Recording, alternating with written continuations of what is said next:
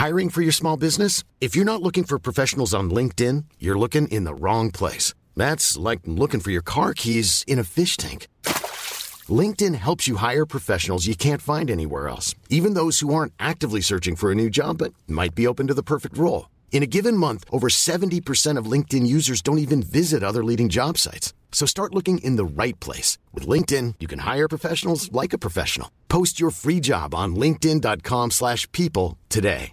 Ryan Reynolds here from Mint Mobile. With the price of just about everything going up during inflation, we thought we'd bring our prices down. So to help us, we brought in a reverse auctioneer, which is apparently a thing. Mint Mobile unlimited premium wireless. Ready to get 30, 30, bit to get 30, bit to get 20, 20, 20, bit to get 20, 20, bit to get 15, 15, 15, 15 just 15 bucks a month. So, Give it a try at mintmobile.com slash switch. $45 upfront for three months plus taxes and fees. Promo rate for new customers for limited time. Unlimited more than 40 gigabytes per month. Slows. Full terms at mintmobile.com. Since 2013, Bombas has donated over 100 million socks, underwear, and t shirts to those facing homelessness. If we counted those on air, this ad would last over 1,157 days. But if we counted the time it takes to make a donation possible, it would take just a few clicks. Because every time you make a purchase, Bombas donates an item to someone who needs it. Go to bombas.com slash ACAST and use code ACAST for 20% off your first purchase. That's bombas.com slash ACAST, code ACAST. Vi är svenska fans allihopa. Vi är svenska fans allihopa. Fan, jag börjar få tillbaka rösten nu. Ja, samma här. 48 timmar senare. Fan vad vi skrek. Ja, det var sjukt. Fan vad vi skrek på dig Pablo. Ja, sorry gubbar. Sorry, sorry, Nej. sorry. Du ska inte be om ursäkt. You gave it all man, you gave it all. Vi gjorde vårt bästa alltså. Gjorde det bästa. Men eh, jag tänker att vi, vi kör en liten eh, EM-recap och eh, pratar igenom eh, EM helt enkelt. För det känns som att eh, det finns lite att prata om där. Det finns väl en hel del. Vi kör, vi kör.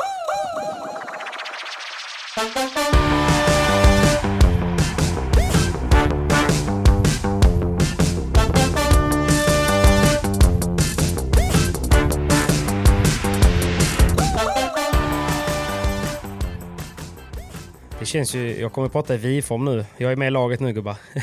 Självutnämnd.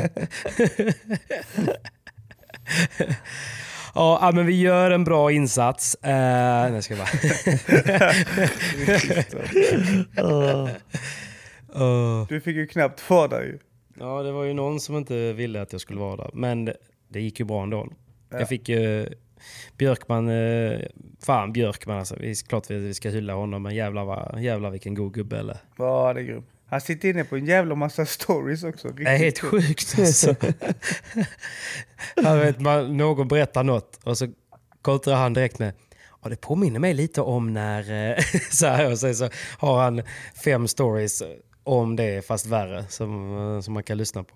Ja, han är grym som fan faktiskt. Ja, nej men han var ju, han var ju fantastisk och han tog ju, lät ju verkligen mig eh, vara var en del av laget. Han släppte in mig som fan. Så att eh, all heder åt eh, Björkman som eh, orkade med PP och tog hand om mig där nere. Och er då såklart, men det var ju hans jobb ju. Ja, men det var inte så lätt heller. Eh, Nej. Jag tror att eh, det är svårt att hålla ihop ett lag och bygga ett lag på så kort tid som han hade. För vi hade ju ingen, vi hade ingen förberedelse lagmässigt innan vi åkte ner till Marbella egentligen.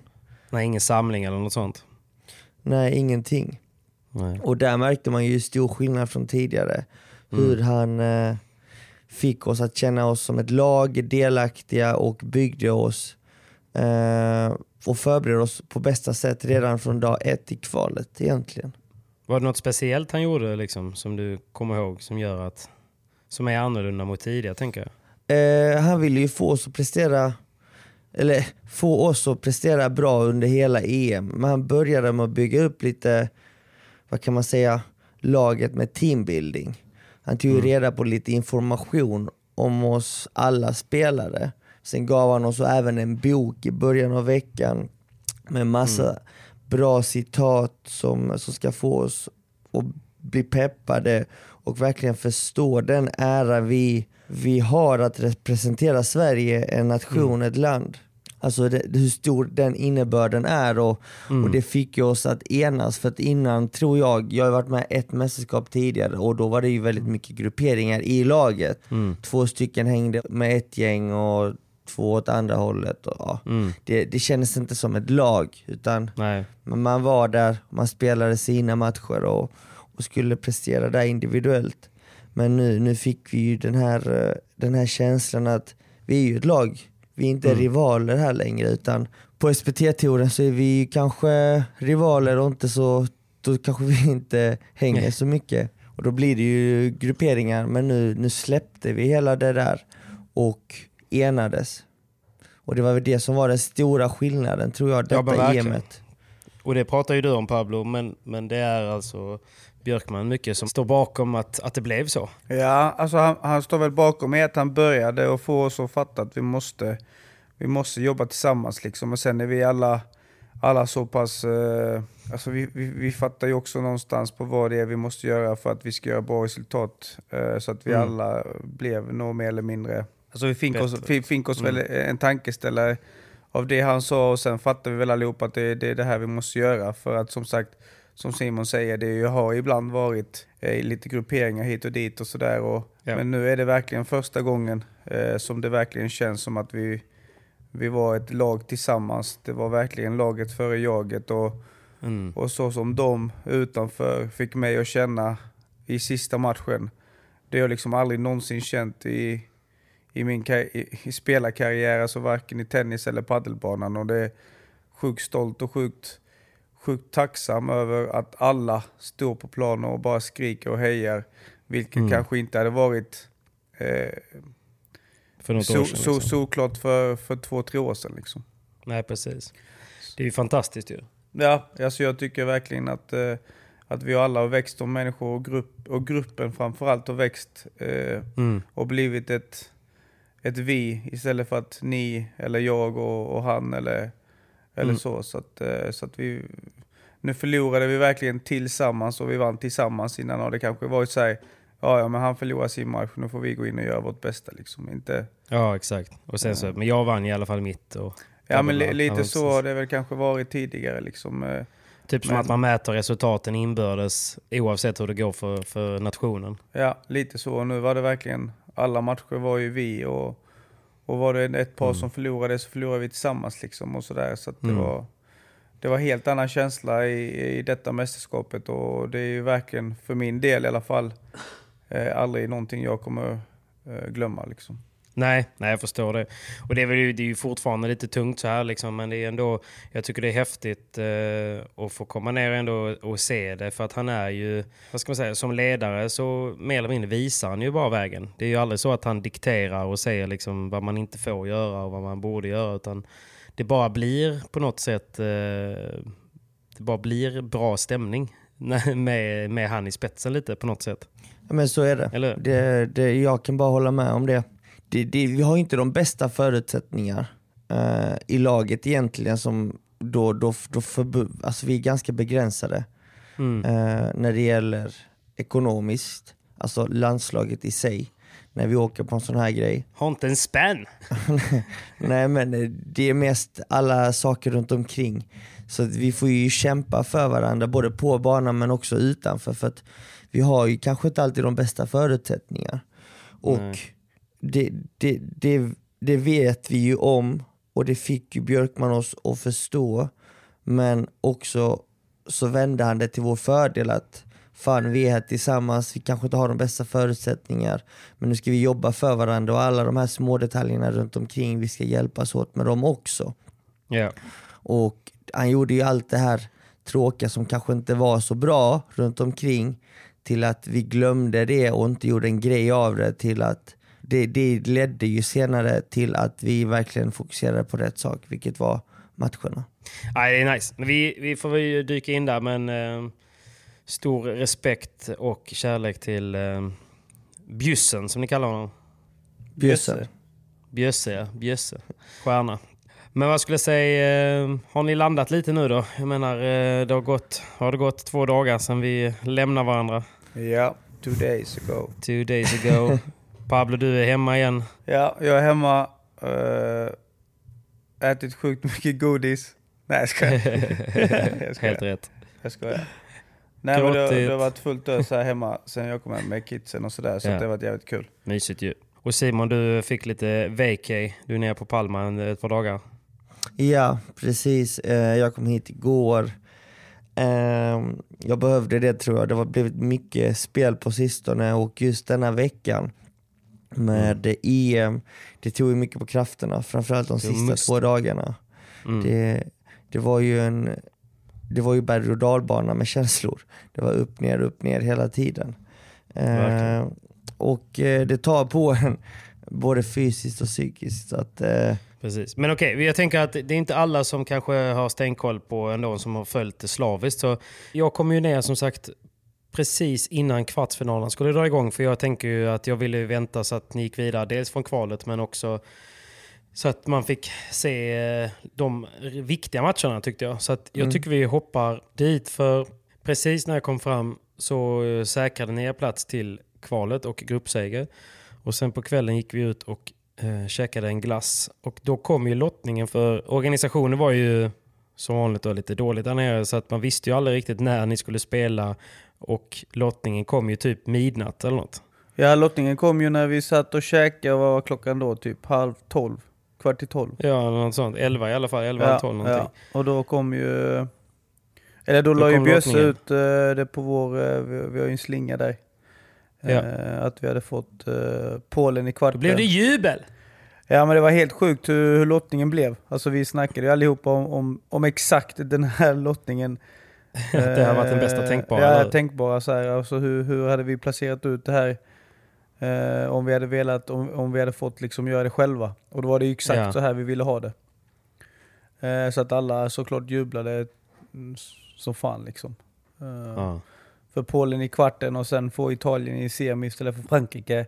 Eh, är ju magiskt ju. Lottningen var ju magnifik och mm, matchen mot Polen var väl egentligen, alltså jag vet att det var lite nerver i laget och, och vi kanske var det bättre laget på, på pappret, eller vad säger ni? Det tycker jag. Det tycker jag. Eh, alltså det, det som förvånar mig, eller det jag blev lite överraskad var ju att eh, ja, alltså de, de nordiska nationerna var ju ganska starka i detta EM-mästerskapet tycker jag överlag.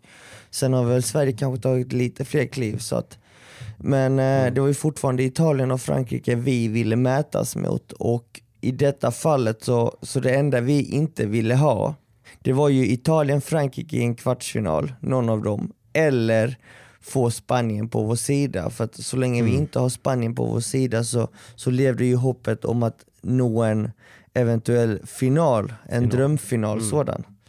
Eh, och nu som Pablo nämnde, vi fick ju en drömlottning, vi fick ju Polen i kvartsfinal. Det var bara att tacka och ta emot.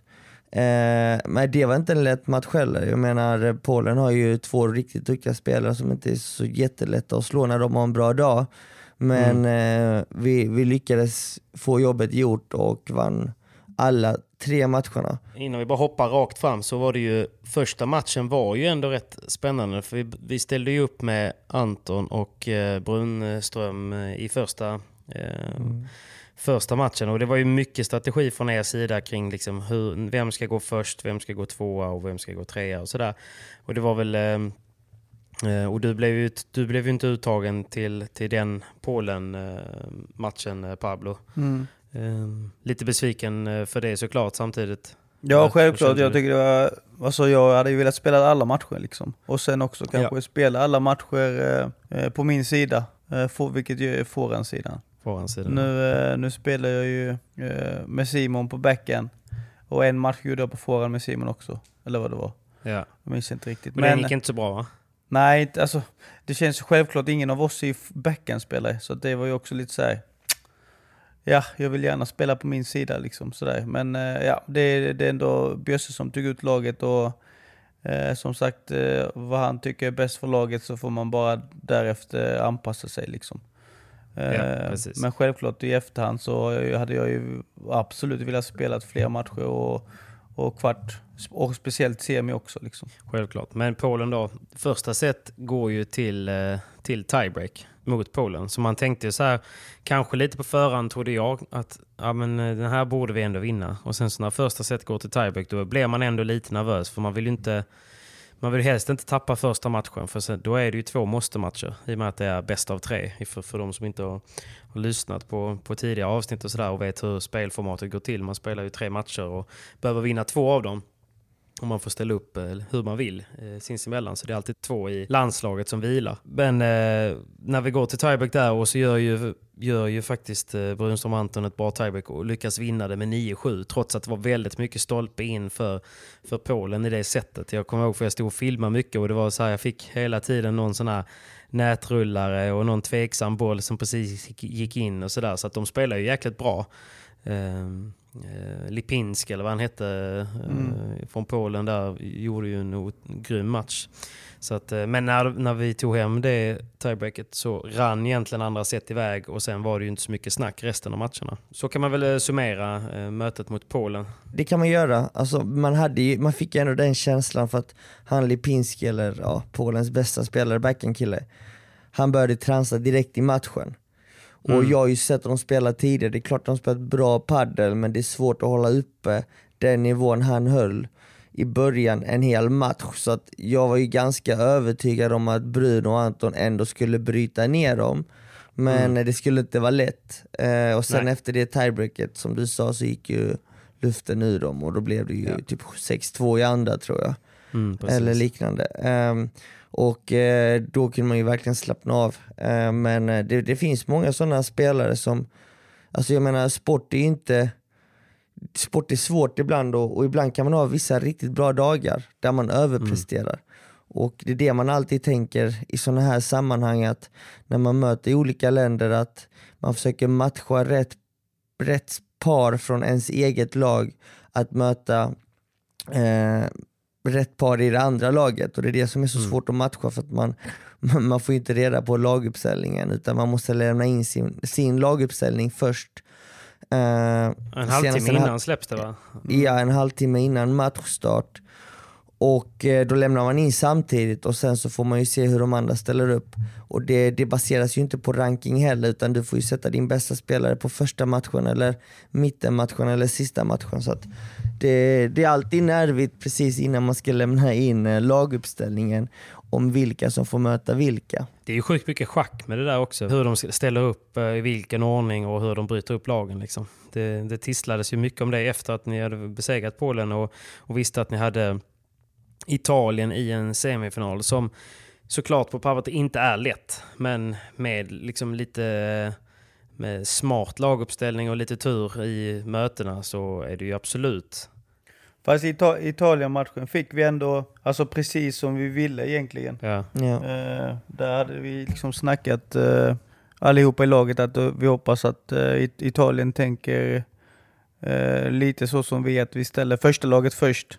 Att Pierre och Victor ändå hade slagit två utav tre utav deras par. Eh, att vi sätter mm. dem sist. Och så, och så får Anton och Bruno köra mittenmatchen mot, mot ja, resterande då. Men, men eh, första matchen ville vi verkligen få till mot deras bästa lag och, och när lottningen kom och att vi fick det så visste vi fan, det är inte många lag här som slår Simon och Danne. Eh, och eh, när de vann första matchen där, alltså då, var det, då kändes det verkligen som att fan, vi kommer fan nästan få, eller, vi kommer få spela en final mot Spanien. eh. Nej, men vi tog ett stort jävla steg ja, ut ja, i alla fall. Alltså det var verkligen så. Och sen, eh, sen blir det som det blir i andra matchen. men hur blev det i andra matchen då? Det var ju... Ja, Bruno, Bruno, Bruno och Anton där, de spelar ju... Eh, Pierre och Victor hade mött de här två som de mötte då kanske två dagar tidigare och slagit dem komfortabelt. Ja. Men de hade spelat inomhus. Eh, såklart det är en jättestor skillnad på inomhusspel och utomhusspel, mm. så det går inte att jämföra. Eh, men ändå att de skulle haft, ha en chans och tycker ändå de gör ett bra första set där de har lite små chanser här och där. Eh, mm. Men sen blir lite för trötta helt enkelt i andra. Och den semifinalen spelades ju på centerkorten. Hur mycket skiljer det sig att spela på centerkorten kontra att spela på de andra banorna? Eh, ganska mycket skulle jag säga. eh, mm. Dels så blev det varmare, det kändes varmare den dagen. Eh, jag tror det var typ 36-37 grader den dagen. Och på centerkorten så blir det som en gryta. Ja. med läktarna runt omkring. Sen banan i sig var ju, det, den var rätt dålig alltså för att vara en centercourt. Ja. Jag tycker För den de, stod ju inte, den var väl, en- den var, stod väl liksom mer eller mindre på typ, typ eh, på en scen. Så att det var rätt mycket stuns liksom. Man kunde nästan stå och, och småhoppa lite på den. Ja men jag tror inte, det var inga problem, det var inga bekymmer utan problemet var egentligen att de hade, här, den här centercourten har stått där sen vi spelade Pri Previas i Marbella. Ja. Eh, men eh, det som hände var ju att de hade lagt en inomhusmatta utomhus. Mhm. Så Vad de då de bytte, jag vet faktiskt inte vad som hände men eh, det blev antagligen inte bra. Och de bytte ut den dagen innan, eller under, eh, snarare under EM här. Ja för det, blev- visst var det en sån tvåfärgad bana innan Ja. och sen så när vi kom nu så var den enfärgad. Jag bara, Mm, mm. fan, har de, eller är det jag Under- som minns fel? Nej precis, du minns helt rätt men under Mm. veckan, under denna veckan eh, så bytte de matta och Okej. den hade inte lagts på, Nej. på bästa sätt. Så att mattan Den lades lite, på spanskt vis helt enkelt. Ja, Det var någon Pablo och någon Simon som bara rullade ut den och sen så tog, gick och tog en siesta. ja, typ något sånt där. alltså den var cass. Ja det, det var lite felstuds, den hade släppt lite här och var men eh, Mm. eh, helt klart godkänd ändå. Alltså, Ja, ja. Den studsar dåligt, ja, men det gör det på många ställen när du spelar i Spanien. Jo, precis. Men, men eh, den matchen ändå, det kändes ju det kändes bara som att det var så mycket svårare den dagen. Jag vet inte om, liksom, vad det berodde på på något sätt, om det bara var bättre motstånd. Men det var också så här, det kan ju också såklart vara en faktor att eh, alltså kvartsfinalen tog ju rätt mycket på krafterna. Det spelades ju lika varmt eh, och sen hejade vi ju fram, vi igen, sorry, men sen hejade ni fram eh, tjejerna på kvällen där och sen så liksom var det bara upp och hoppa och sen en ny match mot Italien. Och det, det var ju lite som att, fan, det, det är ju tufft att ha ork igen. Eh, för att det tar ju extremt mycket på krafterna i den värmen också. Ja, exakt. Och det var ju lite så det kändes i slutet på både match två och tre. Eh, båda Ja. gör ju ett riktigt bra första set. Och sen blev vi nog lite trötta eh, i andra. Och därav eh, siffrorna liksom. Eh, men eh, ja, alltså men det var det- också, det- det var, alltså från läktaren är det ju säkert, men det känns, kändes lite som att, alltså, att vi inte riktigt hade någon, eh, någon edge någonstans. Liksom. Att vi, vi var liksom aldrig riktigt eh, giftiga. Det var som att de hittade, okej ute, eh, och så började de ju liksom testa sig fram och sen så när de väl hittade typ den höga lobben så, så var det inte så mycket vi kunde sätta emot eh, som, som lag då. Eh, och Mm. Jag vet inte, det var, det var liksom man, man bara hoppades typ att det skulle komma det, blir, en det, tändning. blir, det blir ju samtidigt också ett helt annan typ av spel utomhus. Som sagt, hade Pierre, Mm. Pierre och Victor hade ju slagit dem och de fick möta i avgörande matchen, 6-4 avgörande inomhus.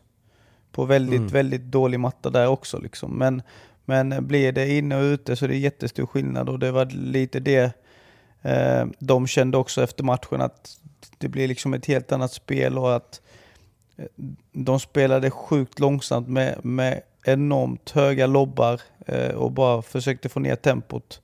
Där Ja. Pierre och Victor egentligen ville ha upp tempot. Eh, vilket som alltså, resulterade verkligen i att de fick slå slag som de inte är vana vid att slå. Eh, och, där, och, och, och alltså. därav blir lite eh, försiktiga i sin overhead. Där, där italienarna Mm. verkligen kunde ta eh, tag i, i och försöka liksom till och med blocka deras bandejaslag eller smashar. Eh, vilket all, Mm. alltså det får ju liksom inte hända. Men det är också någonstans det vi behöver bli bättre på som lag allihopa. Mm. Eh, för att kunna göra bättre resultat i framtiden. Det är liksom att träna mer utomhus. Eh, försöka spela ett helt annat spel än vad vi gör inomhus. Eller att vi, Såklart, att vi i så fall såklart. ska kunna anpassa bägge delar. För att det ser man ju Mm. någonstans att de här bästa spelarna kan ju det, både spela in och ute. Jo, givetvis. Men vi har redan tagit stora steg där så att det, det är bara att- fortsätta och förstå vad det är man behöver jobba på. Men, eh, men det var ju en sjuk värme. Jag kommer ihåg stackars Bruno, liksom, redan efter inbollningen så var ju hans tröja helt dränkt. det var som att det fanns liksom inte... Den bara satt som ett korvskinn liksom på hela kroppen på all. Alltså, och då tänkte Ja, jag bara, ja. fan vad långt han har kvar nu i solen. Och inga tröjor kvar att byta till. Inga tröjor kvar. Dag eh, fem, fyra eller någonting med samma tröjor. Liksom. Han bara, ja, ja vi kör på. men, eh, men Simon, din match var ju ändå ingen eh, promenadmatch. Ni fick ju ändå, eh, fan vad tänd han blev. Vad hette han? Bruno va? Ja, precis. Michel Bruno tror jag han heter. Andres Britos hade jag i crossen. Okej. Så att eh, nej, det var, det var en tuff match. Alltså jag minns ju själv när jag och Danne åkte ner på, på egentligen en, eh, en träningsvecka i Barcelona där vi skulle träna med eh, Marcela Ferrari som på den tiden tränade Bela. Tungt Detta efternamn var- du. Ja, det, det kan man säga. Detta var slutet av 2018, början 2019 tror jag. Ja. Nej 2018 måste det ha varit, 2018 förlåt. Eh, och då tränade Marcella Ferrari, då Bella och Lima som då spelade tillsammans. Då, då spelade ju dels Johan Bergeron eh, i den akademin. Eh, Även Tison och andra fransoser. Ja. Men även Andres Britos. Eh, och då minns jag ju att han klädde ju av mig träning efter träning den veckan. Han, eh, alltså jag hade inte en chans och han hade då varit skadad så han kunde inte smasha men han klädde av mig ändå i crossen. Åh, jobbigt. Eh, och jag vet ju att han har gjort väldigt, väldigt bra resultat. Han har kvalat in många gånger i VPT och, och är ju en Previa-spelare. Ja. Men eh, så jag var ju lite så här. uff. Okej, eh, vi hade ju snackat med laget att okej, Windahl, Vasquez, vi måste försöka få er att spela mot de bästa. För att då, om ni vinner den så, så har vi ju bra förutsättningar att nå en final. För att Anton och Bruno kan skaka vilket lag som helst en bra dag. Och Victor och Pierre hade ju slagit två, fyra italienska lag. Fast I det inom, individuella ja. i individuella inomhus. Men eh, så att vi tänkte det bästa som kan hända, det bästa i alla världar det är att jag och Danne kanske går in i, en, i första matchen och hoppas på att möta det It- Italiens bästa lag. Vilket vi fick. Och det var en tuff match, jag menar eh, jag kände liksom aldrig att jag spelade bra, bra, bra.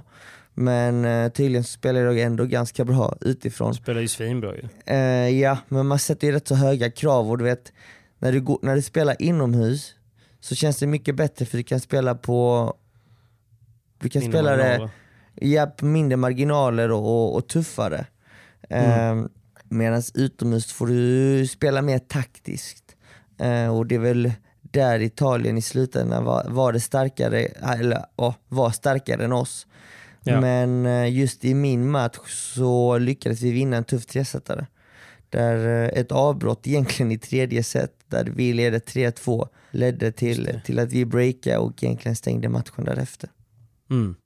Och breaket var ju någonstans bara för att banan var, eller mattan, Britos trillade ju. Så att halva mattan, han låg ju på under mattan typ. Det var riktigt Ja, det var helt sjukt. Ja. Eh, Så, det den var gött satt- att det var stolpe in, för en, alltså, att det inte alltid är emot en, om man säger. Nej precis. Vi visste att vi hade stora möjligheter men att stänga en sån match är aldrig lätt. Jag menar Britos, när han, när han eh, hade momentum så, så var han ju överallt på banan. Eh, Och det är väldigt Men sällan han- man, man känner den känslan mot, mot en forehandspelare.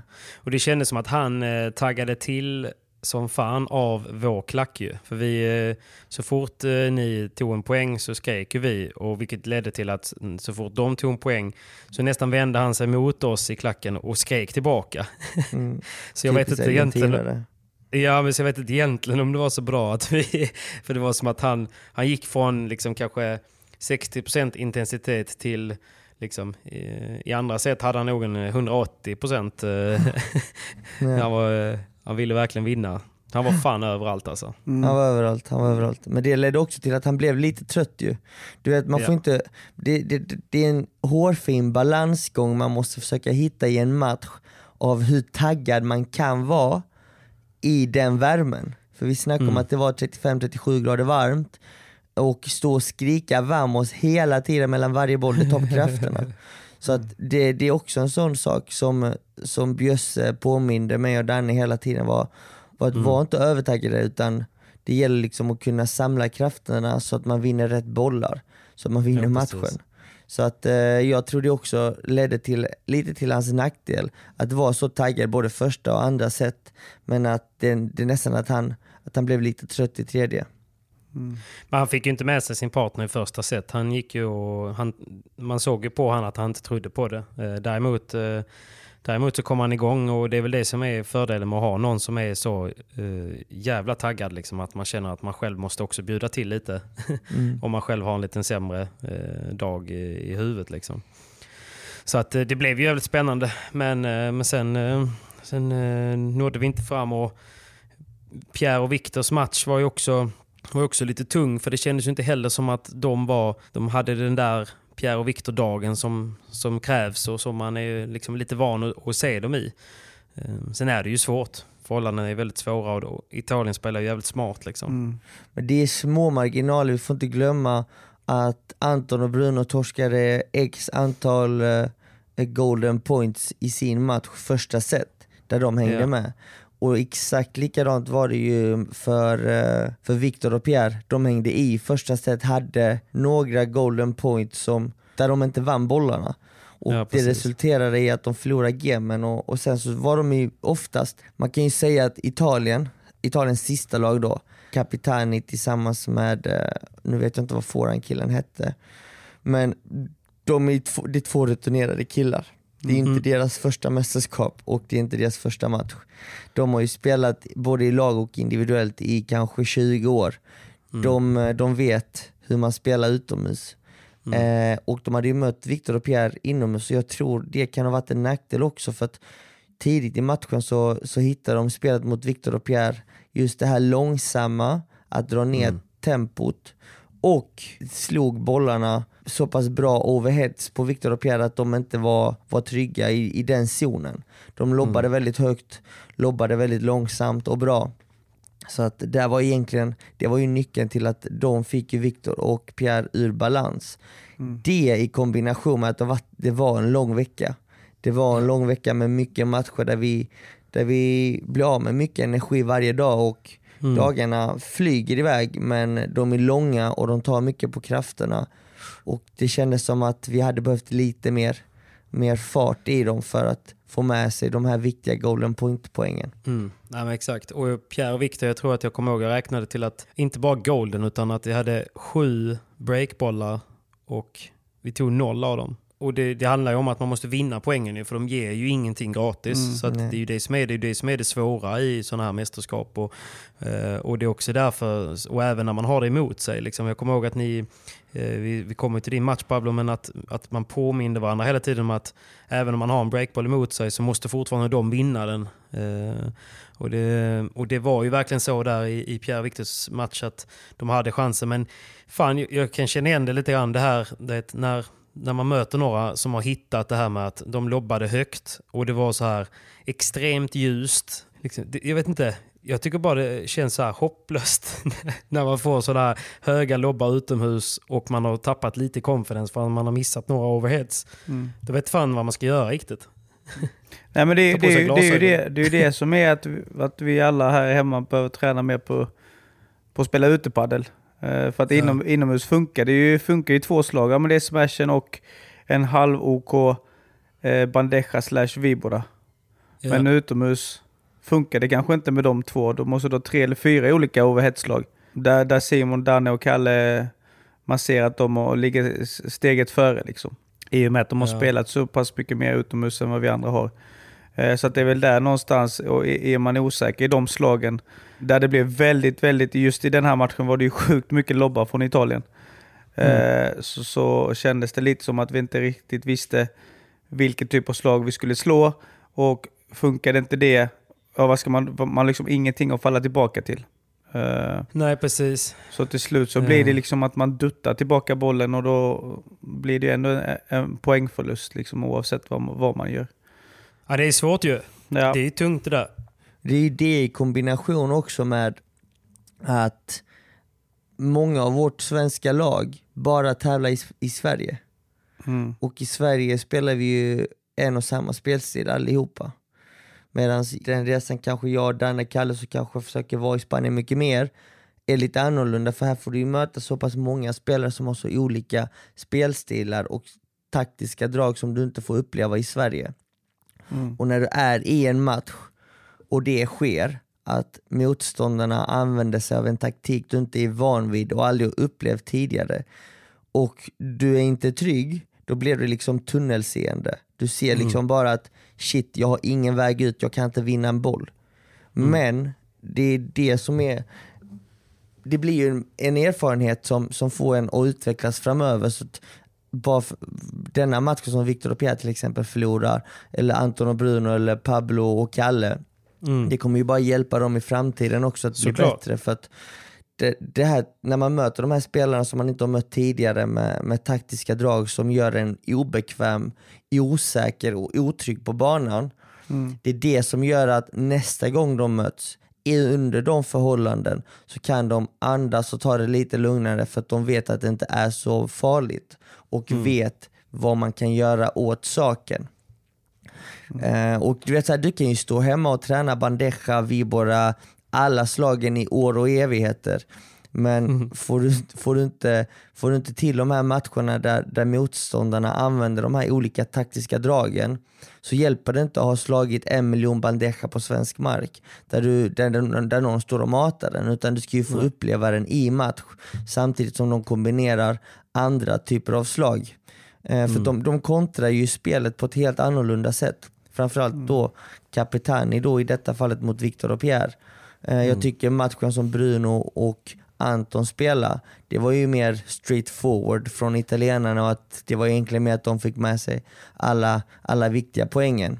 Ja. Men, eh, men man såg ju den här stora skillnaden när Capitani och hans partner mötte Victor och Pierre. Att de, de hade mötts tidigare, de visste vad deras starka sidor var och de var så pass smarta att okej, de kommer inte få använda någonting av deras starka sidor utan vi ska göra dem sämre. Istället, det är lite så de tänker. Capitani är en spelare som är väldigt smart, sjukt bra händer, spelar sjukt smart. Så att hans, hans egentligen, hans tanke var att okej, jag ska inte köra över dem, utan jag ska bara spela bollen där de är som sämst. Jag ska göra dem dåliga. Så är hans tanke. Och det lyckades han med. Han fick dem att känna sig dåliga och därefter kunde han implementera sitt egna spel. Ja, nej, men det är, och det är ju det padel handlar om ju. Så är det. Så är det. Men det, man måste bara förstå hur, eh, hur mycket tyngre det är. Jag menar, man kan stå över på lobbar som du säger hemma inne i hallen. Liksom. Men när, när lobben kommer, ist- istället för att den kommer från 7 meter och den kommer kanske från om vi säger 12-13 meter och man har liksom svettsalt som rinner ner i ögonen samtidigt som man tittar upp mot bollen som är liksom rakt fra- framför eh, solen, mer eller mindre. Och så ska man kisar man en stund, armen ska vara uppe, man ska stå i position, man, man börjar tveka lite, man funderar vad ska man slå för slag, vad gör motståndarna, vad säger min partner till mig, man flyttar fötterna lite till, en gång till. Det kommer ännu en svettdroppe, man börjar få kramp i, i högerarmen som har varit uppe länge. Ja, och, och så till slut så blir det som du säger en, en eh, liksom, i bästa fall en, en stegspade typ för att man vill bara få över den och så är det ganska studsiga förhållanden eh, på grund av värmen. Så att, eh, Och nej sen, får fan. du, och sen får du inte glömma, även när du får den lobben, man måste kunna variera slagen. För att Mm. de här spelarna är så pass smarta att gör du ett slag som ger, genererar poäng så kommer de ju, ah okej nu gör de så här. Nu kommer de ju ändra sin spelposition, ändra lobben lite grann för att undvika den. Så att du måste hela tiden variera för att du vill ju aldrig få motståndaren att känna att okej, det är det här slaget jag kommer slå hela tiden om du lobbar mig på detta viset. Utan du måste variera, du ska aldrig låta dem känna att detta slaget kommer komma nu, detta slaget kommer komma nu. Utan du ska hela tiden variera slagen och det, det är ännu svårare i, dessa, i detta fallet då eh, när de kom in i det, just det här Tror- kugghjulet där osäkerheten bara blev större och större hos Viktor och Pierre. Exakt. Det är inte bara för Viktor och Pierre utan det har, hänt, det har hänt mig tusen gånger också. Och det, det kommer hända svenska spelare framöver också. Men eh, det är det man måste träna på, just att spela utomhus under dessa förhållanden mot spelare som kan ändra taktiken som de gör. Men att man själv inte hamnar i just det där tunnelseende utan att okej shit, nu måste vi ändra på det här. Och sen kanske det går ett game, då måste man ändra på det igen. För Ja. då funkar inte det längre utan man måste ju ha liksom så här fem, sex spelkort på banan som man kan dra för att ändra matchbilden hela tiden beroende på förhållanden. För att i många fall kan du ju börja spela match kanske sex på kvällen, solen står uppe, matchens eh, tredje set eh, spelas två timmar senare och då är klockan åtta, solen har gått ner, det är 5-5 i matchen, det är andra förhållanden. Så att man måste Ja. anpassa sig under matchens gång också. Coach Simon. Coaches. Men eh, Håkansson han sa att om vi hade ställt Stjärnborn Frej mot Italiens treor, alltså Stjärnborn Frej i andra matchen då, så hade vi spelat EM-final nu. Mycket möjligt, man vet aldrig. Nej, Eh, nej såklart. Som jag nämnde precis, de hade kanske Kul kunnat, svar. eh, nej, men de hade kunnat spela på ett annorlunda sätt. De kan ju dra olika taktiska drag. Det, jag tror att det kan mycket väl vara så. Eh, Mm. Självklart tror jag att Victor Pierre har haft större chans mot Italiens tredje par än andra par. Det, det, Ja. det råder det ingen tvekan om. Men eh, svårt att säga det. Eh, som vi sa, att just det här med att ställa upp laget, alltså det fan, det, allt handlar om tur. Just där också. Jag menar man kan ju spekulera och spekulera men det kommer ju aldrig komma fram till hur de kommer tänka. För att de kommer ju lämna in sina tre lag en halvtimme innan precis när du lämnar in dina tre lag. Då byter Mm. Ja, ja. du papper och så får du se. Det Vi var, ändå, ga- vi var ändå nöjda med hur det blev egentligen. Också. vi var supernöjda. Eh, För, supernöjda. för att vi, vi visste liksom att Per och Viktor har slagit de här två andra paren. Så att man kan ändå inte säga att ja, men fan, hade vi ställt dem på tvåan så hade de vunnit, typ. Nej. Eh, Men alltså, jag menar att alltså så som, som utfallet blev, visst man kan säga massa saker, men innan matchen så tyckte vi ändå att matchupen var helt OK. Klopp. Ja, exakt. Mm. För, för, för vår sida. För att kunna få eh, spela final mot Spanien. Och, och speciellt efter Simon och Dannes match när vi hade 1-0 i ryggen. Då kändes det ju verkligen att fan nu har vi ändå två matcher vi kan. Där vi liksom inte är jätte... Alltså att, att Italien inte är jättefavoriter i någon av matcherna Nej, egentligen. precis. Utan att det ändå är 50-50 och till och med kanske 60-40 i sista matchen. Trodde vi i och med att, Mm. att Victor och Pierre redan hade slagit det paret. Ja, Eh, precis. Men ja, Jävla Capitani och Cremona alltså. Ja, de var bra, bra De utomhusspelare. var duktiga. Ja.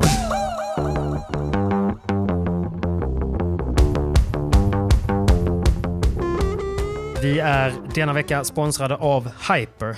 Vilken skräll va Pablo?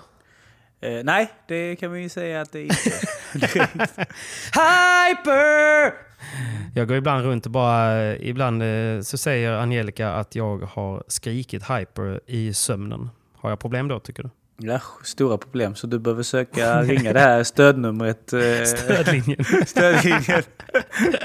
och lägga in dig på behandling alltså. Nej, men du, det är VPT, höll jag på att säga, Valladolid. Och det är fel, för det är VPT Valencia. Valencia. Valencia. Simon skulle egentligen varit med ju, men han, eh, han bröt ju för att han hade problem med ryggen och var lite sleten efter EM.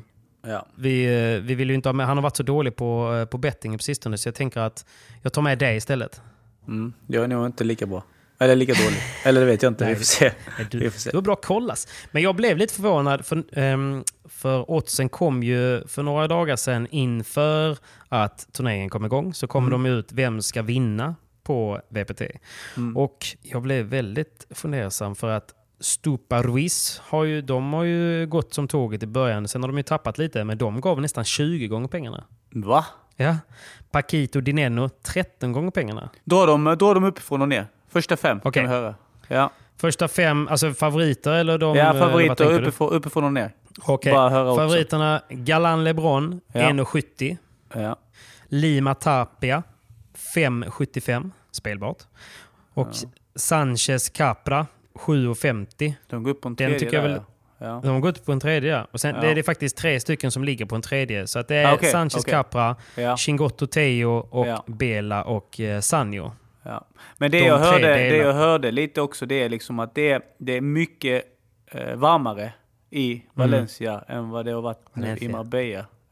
Eh, och har det varit 50 grader i buren i Marbella som vi har eh, spelat på så mm. är det kanske 55 60 grader. Det är helt sjukt. Och då alltså. flyger ju bollen något enormt. Så att det är väl därför de här storsmasharna har fått komma upp lite mer oddsen nu då som LeBron och Galan såklart. Och sen eh, Teo Chingotto, där Teo smashar som en häst.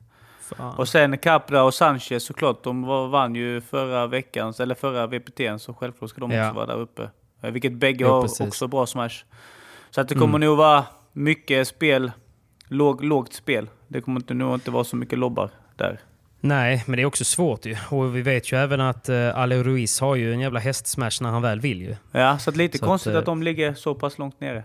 Men, men. Men de ligger ju, om man tittar på trädet, så ligger ju Chingotto Teo kommer få möta, om de, om de vinner första rundan så kommer de få möta Bela och Sanjo. eh, I... eh, i Åttondelen.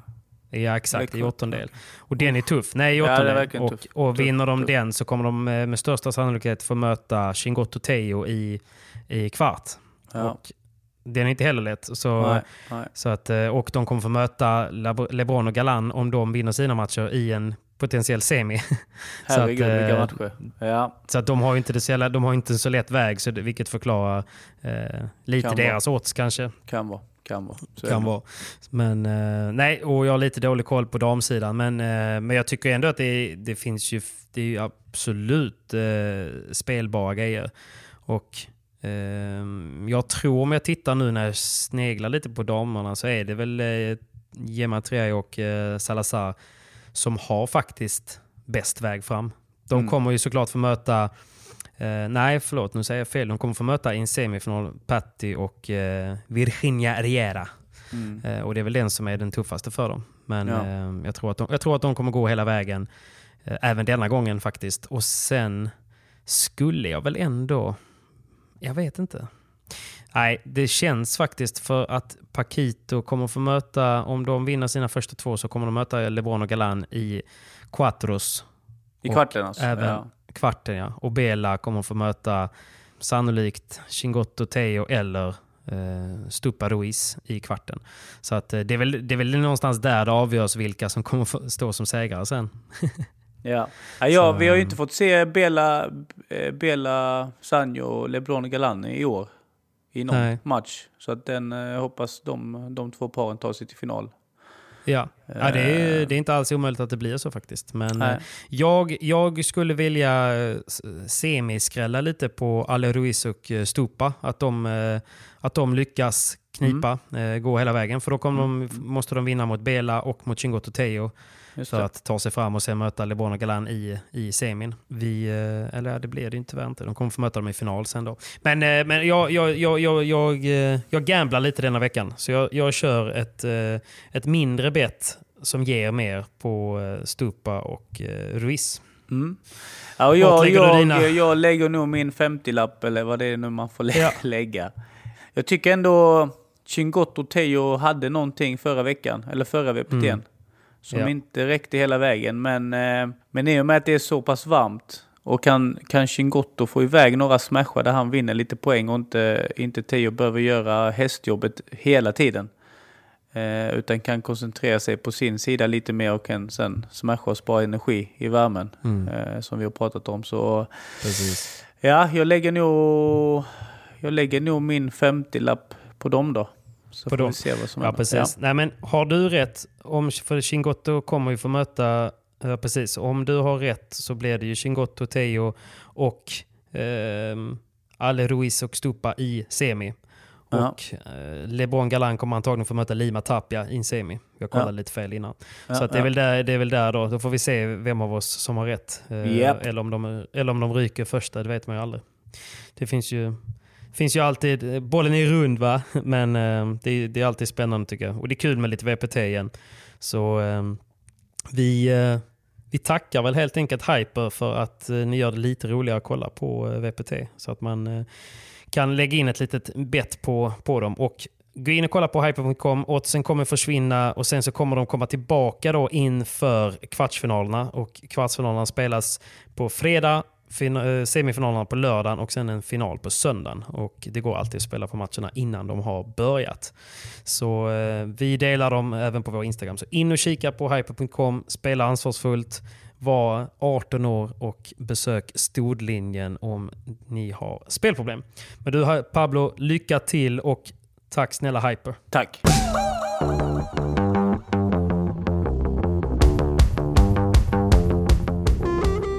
Men sen, sen fick vi ju, sen fick vi ju en, en riktig jävla hatmatch alltså. Var det hat? Fan, det var hat alltså. Nej, men det var kärle kärleksfullt hat var det ju såklart. Jävla Mot fransoser. fransoserna. Vad ska man Jävla. säga?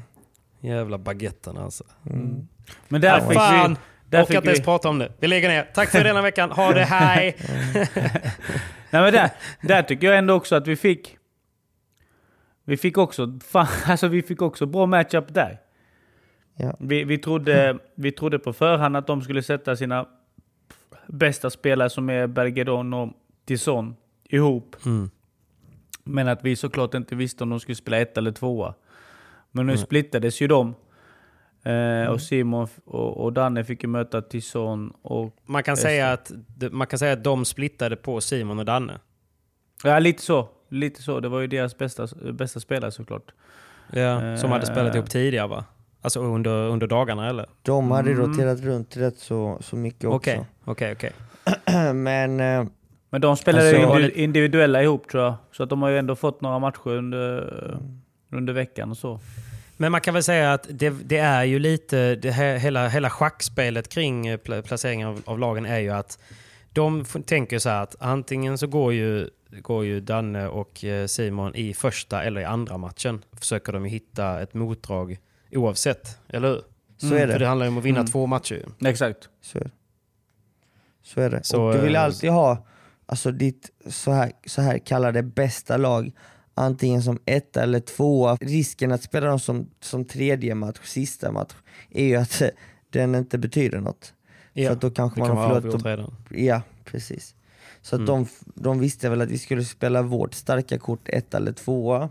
Och sen kanske vårt tredje par eh, ett eller tvåa och sen vårt näst starkaste kort eh, som sista match. Hur kändes det att bli uttagen till bronsmatchen då Pablo? Nej, men jag tror också att, alltså självklart, en rolig... roligt för mig som fan och för Kalle. Vi har ju inte spelat Mm. på två dagar där. Vi var ju hur sugna som helst på att få spela. Och Mm. speciellt, speciellt efter Italien-matchen där vi, där vi inte fick spela eh, och, och förlora. Så självklart var det kul att, få köra sista dagen. Eh, men också tror jag också att Bjösse såg verkligen att de andra var också lite sletna och sådär och att vi var fräscha. Eh, Ja.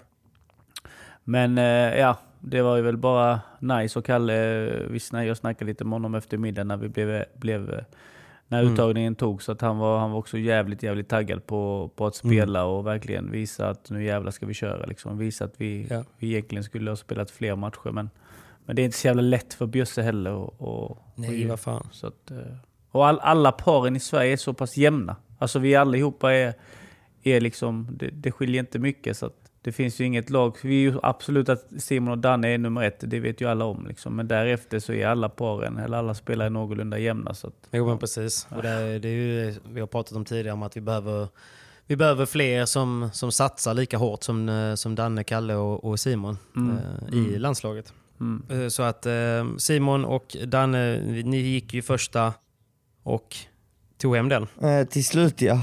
Det, Ja. det var en tuff match det med. Det var ingen promenadmatch. Det var det inte. Vi mötte två duktiga spelare. Tison är väl, var väl den, den bästa spelaren av alla i bägge lagen.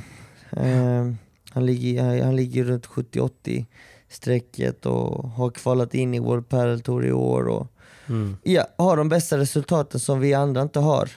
Så att, eh, och han spelar ju på forehand så jag visste att det skulle vara en tuff uppgift för att han spelar väldigt avigt. Han Ja. spelar snabbt och går för mycket slag och det är inte lätt att ha honom i crossen. Eh, sen Bastien Blanc är ju en spelare som är väl Frankrikes näst bästa backhandspelare efter Johan skulle jag säga. Mm. Eh, rankad 120, eh, bättre rankad än alla vi svenskar. Och eh, har gjort bra resultat också. Det, det var ingen lätt uppgift och när han har en bra dag så är han jävligt duktig faktiskt. Han, eh, han är sjukt fin paddelspelare. Eh, Har både känsla och power. Eh, men eh, han sviktade lite och vi visste att han skulle svikta någon gång om vi, om vi bara fortsatte. Ja. Vi, vi, vi vann ju första set eh, ganska tight. och sen eh, torska andra med ett break och sen gick vi ut i tredje med mycket mer energi och sa att nu ska vi visa dem, alltså nu, nu ska vi ta de tre första gemen. Mm. Och whoop, sa det och eh, så blev det. Vi, vi var uppe i en 5-0 ledning, vilket var, helt, var, var helt sjukt. Come on! Och eh, kun, kunde stänga matchen sen till 6-2. Ja, det var en god känsla. Då känner man att fan, vi är på gång. Ja, men du vet, alltså det var, nej, men det var, det var ju gött och det gjorde mycket också för energin. Samtidigt, sen är det också det är stor, stor eloge och hatten av till, eh, till dig och, och, och Danne Simon som, som ändå hela tiden går in och gör det som förväntades. Förstår mm. menar? Det är inte heller så jävla lätt att göra. typ så här, när någon pratar om när media och alla pratar om att ja, men Danne och Simon är ju de starka så att de sätter vi där så går de in och vinner den och sen spelar vi typ så som att det är liksom okej, okay, men den har vi eh, och sen spelar vi typ så. den är given, den är klar. Ja. Den är klar. Eh, vad har vi sen då? men eh, jobbet ska göras va? Ja det är tufft. Alltså, det, det var lite som vi var inne på innan. Det var väl första gången vi var ett riktigt lag. Och jag kände det när jag mötte Italien, den vinsten. Alltså den var ju helt magisk. Vi hade ett mm. par hundra svenskar på plats som stod och hoppade, skrek och hejade. Att slå in den matchbollen när man kickade ut den, vände sig om, kollade på Danne. Fan, vi vann. Vände, vände mig om igen och kollade på publiken, sträcker ut ja. armarna. Och du vet den känslan att ge den vinsten till ett lag, till, en, till ett land, till en nation, till Sverige det är liksom en ära. Det, en ära. det ska vara en ära att bara bära den, den svenska landslagströjan som, som många av de hälsningarna vi fick i laget i början av veckan. Och du vet all, alla de där känslorna, de kom ju fram då och det var ju mäktigt. Alltså det var riktigt mäktigt och det var stort för mig personligen att mm. kunna ge den vinsten till inte bara mig själv utan till alla som var där, till hela Sverige. Mm. Och exakt så kände jag när vi mötte Frankrike. Exakt samma känsla fick jag när matchbollen var slagen. Att oh, vi gjorde jo, det igen. Liksom. Mm. Vi gjorde det igen. Mat, alltså matchen i match, alltså själva matchen där var ju vunnen. Men vi hade inte vunnit bronsmatchen. Men bara den känslan att, att, att ge Sverige 1-0 var ju helt magisk och, och jag visste att oh, okej, okay, denna matchen var, var tuff, vi vann i tre set men nu återstår det två matcher och de kommer vara lika tuffa. Det var jag helt övertygad om.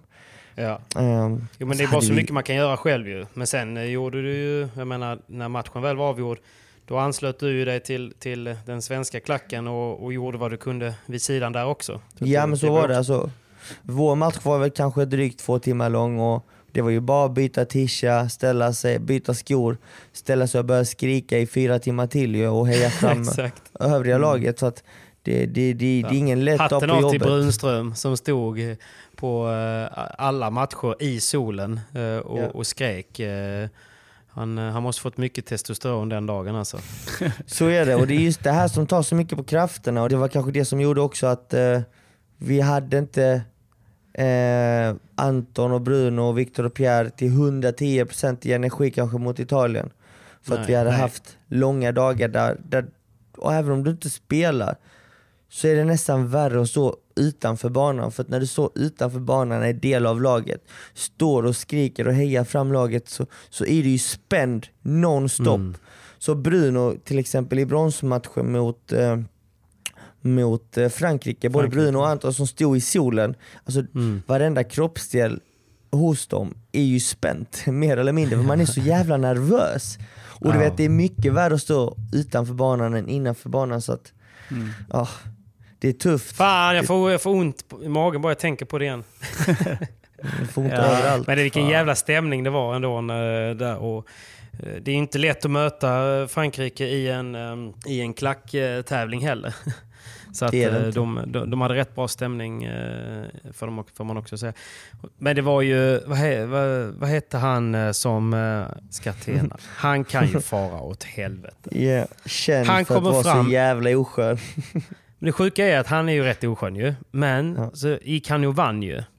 Då ja. kommer han fram till, eh, till liksom då, eh, spelar, vad ska man säga, spelarbänken efteråt och bara oh, good, good match och bara liksom eh, pekar han liksom så åh, oh, stjärn, uh, what a backhand, wow, what a really, really mm. good backhand. Du vet, skulle gå där och ge massa beröm och försöka vara så här superskön. Men, Håll men när, all, när det alla bara. vet att han bara, hade han torskat så hade han liksom skickat spaden, sparkat på gallret och bett oss fara åt helvete liksom. Och, ja men du vet. Eh, Men bara för att de gick och vandrade så skulle han komma fram och vara så jävla så här mysig och bygga broar liksom. Men Det är det som är det osköna med Frankrikes lag.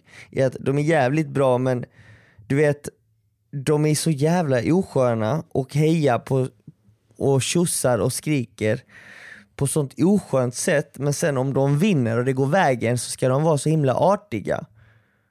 Fuck off alltså som Bjösse sa. Exakt. Jag Han ville, skall, han ville skalla Ja. varenda fransos han såg sa han. Och det ville vi också. Jävla alla utom Bergeron skulle jag säga. Jag tycker faktiskt han är härlig Ja. alltså. Men man Ja. kan, ju, man kan ju säga också att hur jävla oskön Skatena är. Han gjorde ju så att Pakito inte ens ville spela mot han och Pakito Det var gick, så, va? Mm. gick av banan. Ja, jag fick höra nu att, eh, att de möttes ju i, eh, i semifinalen. Den, o, den oviktiga Eh, matchen va? Ja, nej, eller om det var... An... Ja, det kanske det var. Nej, det var tredje matchen. Ja, det var tredje matchen. De var tvungna att mötte- spela den. Ja, så mötte ju Pakito och hans Catena på bäcken och bara efter första bollen så skrek han liksom Come on! Alltså såhär skithögt. Och Pakito bara vad fan Ja. håller han på med? Typ. Och sen efter, Ja. efter tre game, första bollen i fjärde gamet så så skickade Skatena en serv och Pakito missar serven så här felstuds deluxe. eh, och, då, och då kör han pingvinen typ så här som att ah, kan du inte ens ta mina servar? Hey, alltså hänger du med? Den, Ja, ja, den, ja. eh, och då, och då sa, sa Pakito bara alltså, jag tänker inte spela mot dig mer. Typ så här, jag, jag har ont, eh, typ så här, skyllde på någonting och bara gick fram, Ja. skakade, sa några välvalda ord och sen bara gick han därifrån. Han typ sa... Typ han såhär, skyllde på typ, att typ, typ att något, ja, du liksom. ska fan inte få äran att möta mig när du beter dig som ett jävla svin. Liksom. Ja, det var så va? Ja, och så gick han av banan. Vilken chef han är. Alltså. Ja men det, det, det är också så här, vem, fan, vem, vem beter sig sådär dåligt mot ändå, alltså värld, Med 100 världens procent att bästa- han springer runt nu på någon bakgata i Frankrike och skryter om att han har vunnit över Pakito. 16 16 Ja säkert. Så att, 6-0, så att, 6-0. så att resultatet blev ju 6-3, 6-0 till fransmännen. Ja, ja. Han, kom Ja. ju, han har ramat in det ju. Det Ja, ja, sitter ju säkert. ovanför sovrums... Nej men det bevisar också bara vilken oskön kille det är. Alltså så som Ja. Simon också försöker förklara vilket oskön, alltså riktigt oskön lirare. Eh, Det, jag vet inte om det är många i franska landslaget som gillar honom. Det vet jag inte. Men, Nej.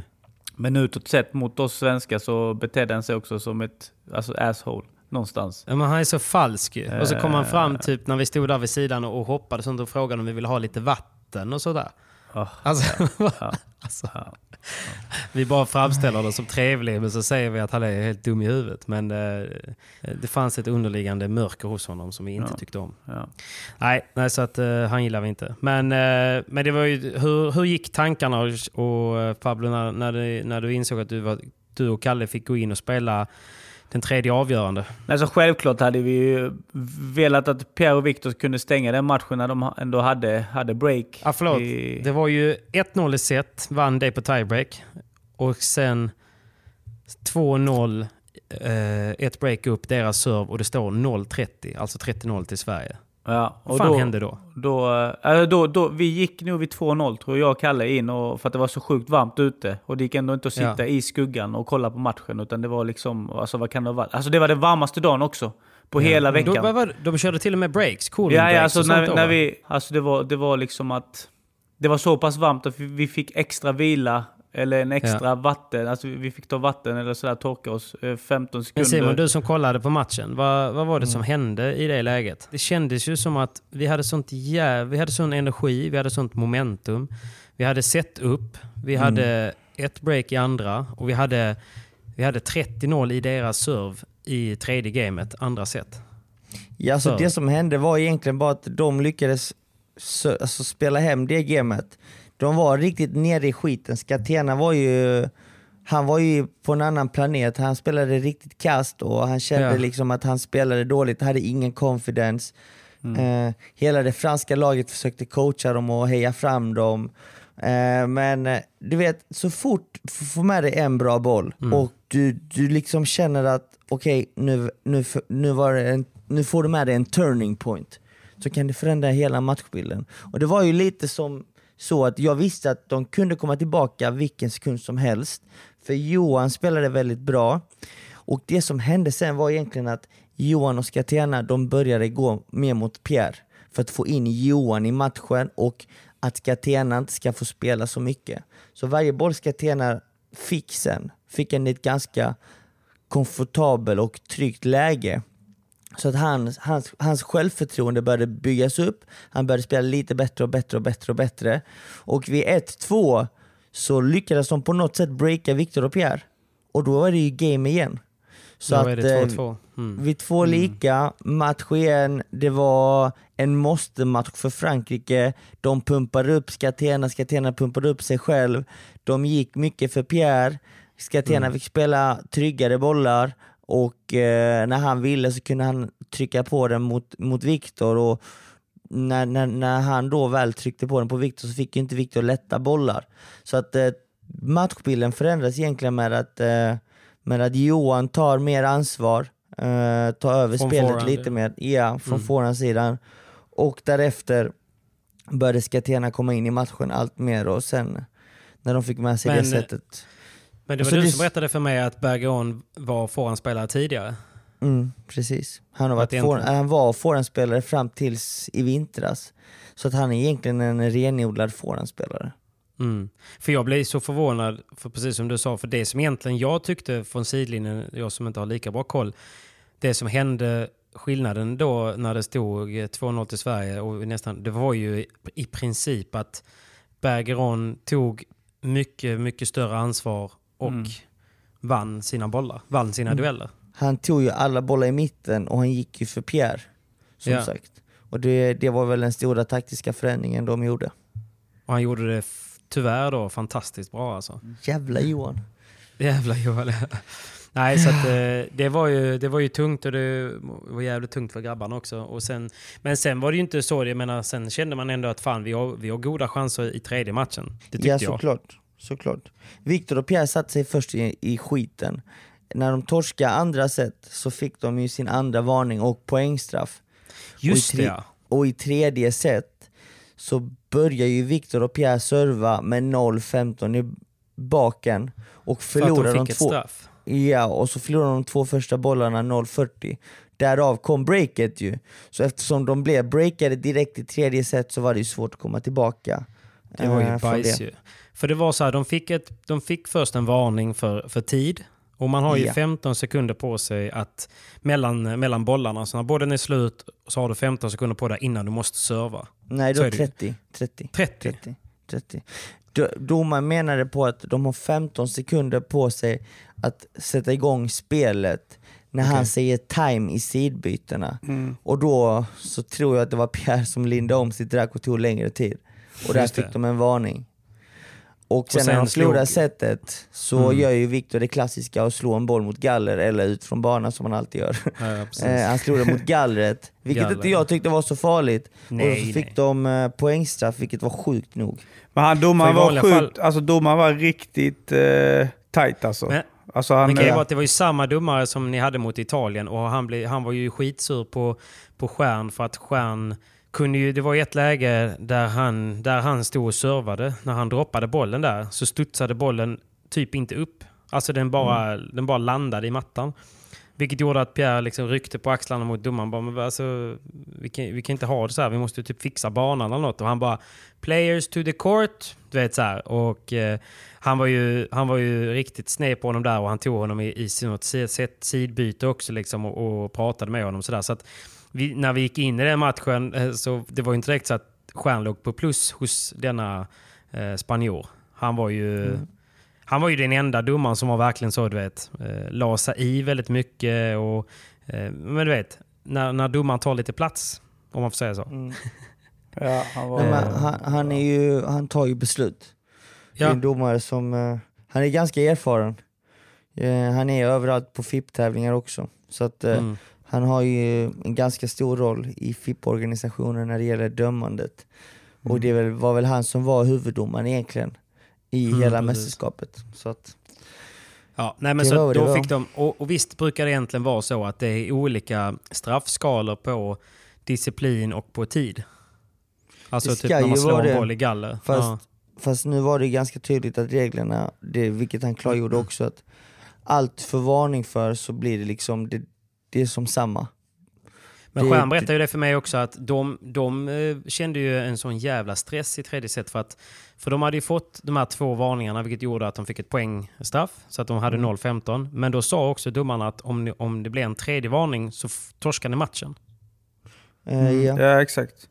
Så de gick ju, och så hade de ingen klocka på banan ju. Och de är ju ändå kända för att ta rätt mycket tid mellan bollarna. Speciellt om de då kanske har tappat några bollar. Då vill de ju bryta momentum liksom med, att- med att stå kvar lite extra, prata lite extra strategi. Bara så att, men det vågade de ju inte. De, vågade, de, de kände hela tiden så här, vi, för den här domaren, han kommer ta oss på sekunden. Om vi inte servar på sekunden, då är ma- matchen torsk. Så att, eh, det var ju inte fina förutsättningar i tredje. De hade 0-15 egen serve och kände den här stressen eh, konstant då. Så att, Nej eh, precis.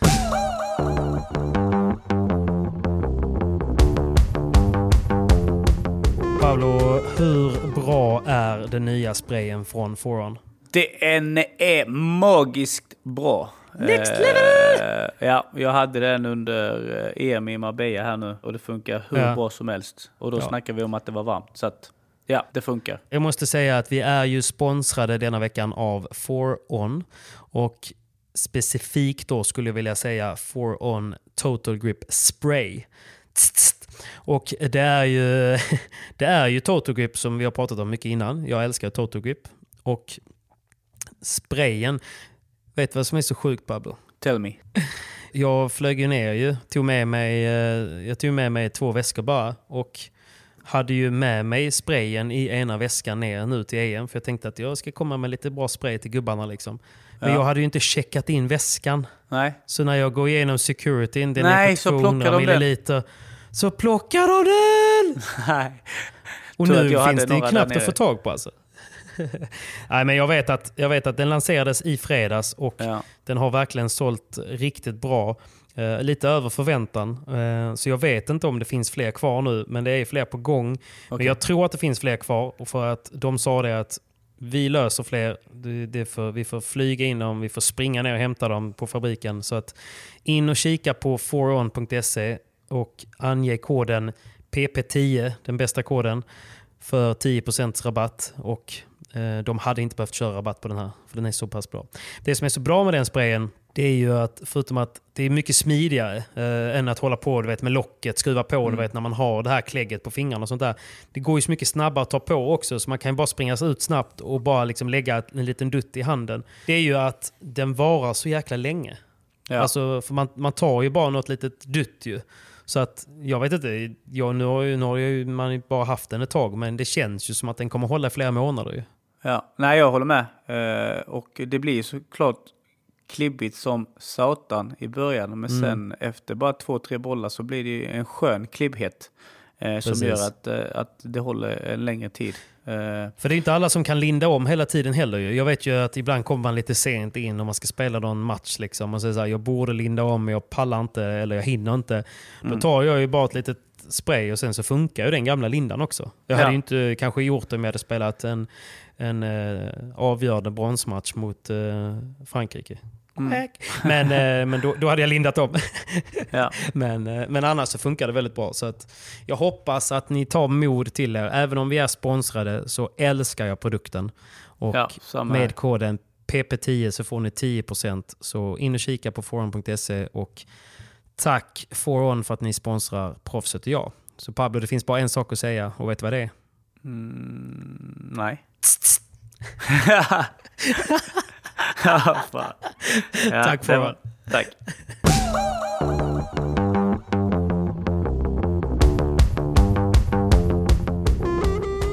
Men, eh, men sen eh, klev han in, den gode Pablo. Ja. Ja, sen klev vi in där i värmen. Nej men Ja, självklart varmt, tråkigt va? som fan att de hade torskat sådär och självklart visste vi också att det blir, blir, kommer bli en tuff match. Eh, men det var bara att gilla läget. Och så Mm. får vi ju som sagt, alltså vi får drömstart. Ja, Ni Vi spelar, spelar ju vi ja. spelar som gudar ju. Ja, vi spelar sjukt bra de första, första 4-5 gamen. Där vi har 4-0 och 4, ja, 4-1 då. Mm. Och sen kommer de in i matchen lite faktiskt. De, gör, alltså de spelar inte dåligt, det är bara det att vi spelar, vi går ner oss lite grann. För att vi började på så pass eh, bra sätt. Och sen eh, har vi 4-1, break, de breakar tillbaka. Vi har ju dubbelbreak till och med. Alltså vi ska Mm. egentligen stänga det sättet 6-2. Verkligen. Eh, men där, där försvinner också lite energi. Vi får spela, vi får spela 4-5 game extra Ja. eh, i det sättet. Eh, men lyckas ändå vinna. De breakar tillbaka till fyra lika, vi breakar tillbaka igen till 5-4 till Mm. oss. Eh, och där, eh, där kändes det som att ja, när vi fick det breaket till 5-4, att vi verkligen, nu, nu stänger vi det. första set liksom. Mm. Och efter första setet, det är då han säger, domaren då att alltså, vi, vi kommer ge er eh, 15 sekunder extra vila under, alltså efter ett game. Normalt sett så går man ju och sätter sig efter två game. Men om det är Just så det. att ni känner för att dricka eller eh, ta handduken efter ett game så har ni 15, 15 sekunder på er per man. Eh, för Extra. att, för, ja exakt, för att nu, Ja. nu, nu är det det är inte normalt att spela i den här värmen. Liksom. Det, är, det är sjukt Nej. varmt. Och är det varmt utanför, då är det säkert en 10 grader extra i buren. Så att, helt eh, still, liksom. ja, ja, det var helt sjukt vilken värme det var. Fast, fast det, enda, det enda jag eller vi kände, det var ändå eh, stödet. Alltså vi kände Mm. nog inte... Alltså, Tänkte du på värmen ma- ma- Nej, man gjorde ju inte det. Alltså fast man var helt slut och du vet klibbiga jävla tröjor och allt möjligt och så, så var det inte eh, tröttheten eller värmen man tänkte på utan det var bara så här nästa boll, nästa boll och all Ja. energi man fick från både publiken och, och speciellt spelarna vid sidan av. För det var ju Mm. sjukt jävla krig mellan franska, franska klacken Ja. och svenska klacken. Eh, så det är ju också någonting man aldrig kommer glömma. Eh, alltså det stödet man hade. Men det blev ju ett krig där, för det var ju fran franska klacken som i princip hjälpte dem. För de var ju rätt... De hade ju tappat eh, tron på sig själva när ni hade dubbelbreak i första set. Men, men eh, där är de, var de ju faktiskt duktiga på sidlinjen. Och så fort de vann en boll så liksom... De gick ju fram och slog på glaset, ryckte i gallerna och skrek på dem att, liksom, att ni har det, ni kan, fortsätt. Vet, så, här. så att till slut så började de ju själva tro på sig själva. Ja, Eh, ja. de Nej, och det, det, det var ju också boll. någonting som så Bjösse var jävligt lack på. Det var liksom, fan kolla hur de beter sig. Liksom. De klättrar på, på gallret. Alltså du ger oss Precis. varning hit och dit för att vi tar någon sekund extra. Men du säger Mm. liksom ing, ingenting till, till eh, dem när de hoppar och skriker och slår på galler och så vidare. Liksom. Så att det var också Mm. så här, vad, vad, Ja, till slut så gick han ju fram och sa att om ni går in på den här liksom, eh, ytan där man får gå ut, då, de här Mm, två mm. meter ut, då får ett lag ett poängavdrag. Typ, typ. Men då hade ju matchen nästan gått. Alltså då hade, så därför så fransoserna blev ju så istället att när de vann en poäng så sprang de fram till exakt den linjen, ställde sig bredbent och liksom eh, bara för att demonstrera att vi är så långt fram vi får och härifrån ska vi låta så mycket som möjligt. Så det var ju också ett litet sånt fuck you eh, till eh, både domaren och till liksom, men de gjorde det, alltså det är ju det, det är någonstans matchen eh, på klacken där också. Det, det var ju det var ju kul att det blev en liten eh, sån hetsig eh, grej där också. Och också starkt av, av fransmännens eh, tjejer som innan sin final mötte upp dem och stod där också och hjälpte till dem så att, eh, så att de lät rätt mycket. För jävligt. Men, eh, Hatar dem. Nej, precis. Men Pablo, berätta vidare. Ni tar ändå första. Ja, och sen som sagt så går vi ner oss lite. Men får ju inte eh, glömma att de höjde sig också. Ja, de, de börjar spela mycket, mycket bättre också. Eh, Ja. Samtidigt som vi gick ner oss lite grann, kanske i, i mitten på andra sätt. Eh, så självklart spelar de ju taktiskt eh, bra. Eh, och han ena killen hade ju... Alltså vi försökte ändå lobba bägge, men kände någonstans sen efter, att forehandspelaren, alltså av 9 av 10 höga bollar, lobbar som vi ändå spelar på honom, han kickade ut allt. Alltså han... Det var liksom inte ett fel han gjorde i sina overheadslag. Han var helt sjuk ju. Eh, så att han, eh, nej, han var riktigt sjuk där. Eh, och sen självklart får de energi av sin klack och, och så vidare. Och sen när de vinner andra set så visst, det är tufft, men ändå känner vi liksom, fan vi är ändå med. Alltså vi Ja. krigar vi bara tillräckligt mycket och, och kanske får någon eh, studs med oss eller eh, så, så, så kommer vi ta det här. Incerillo hette han va? Forehandspelaren. Ja, exakt. Men sen tycker jag ändå i tredje set vi började bra. Sen, jag tror vi, håller, vi började serva 1-0, ett lika. Sen tappade ni ett break, eh, om det var tredje eller fjärde gamet. Jag tror det var tre breaks i rad. De breakar er, ni breakar tillbaka, de breakar er en gång Ja, till. exakt så var det. De hade 2-1 break, vi breakade tillbaka till 2-1. Eller till två lika. Sen Två har vi f- två lika, sen har vi 40-15 i vårt servegame. Mm. Ja, Eh, ja vi har exakt. 40-15. Vi har 40-15. Fan! Fan! 40-15. och sen gör vi eh, två dåliga bollar. Eller vi gör inte, vi gör en dålig boll gör vi. Och sen vinner de två bollar. Eh, och så Mm. Ja, breakar får de oss till mycket bränsle av 3-2. det. Mm. Ja, 3-2 och sen får de energi i laget igen. Och, och därefter håller vi bara våra servegame.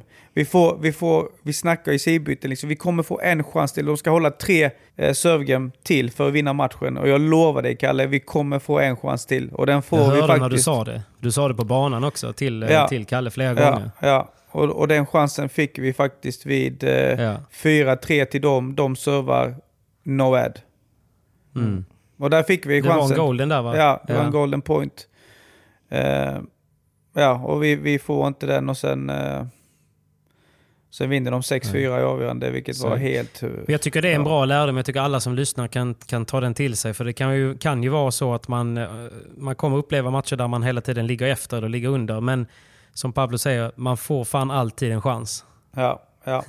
Men det, alltså, men det är lite så. den, men- Nej, men det är lite Mm. så, alltså, även om man ligger under ett break och bara fan, jag kommer inte klara det här, så blir man breakad igen, säger Mm. vi.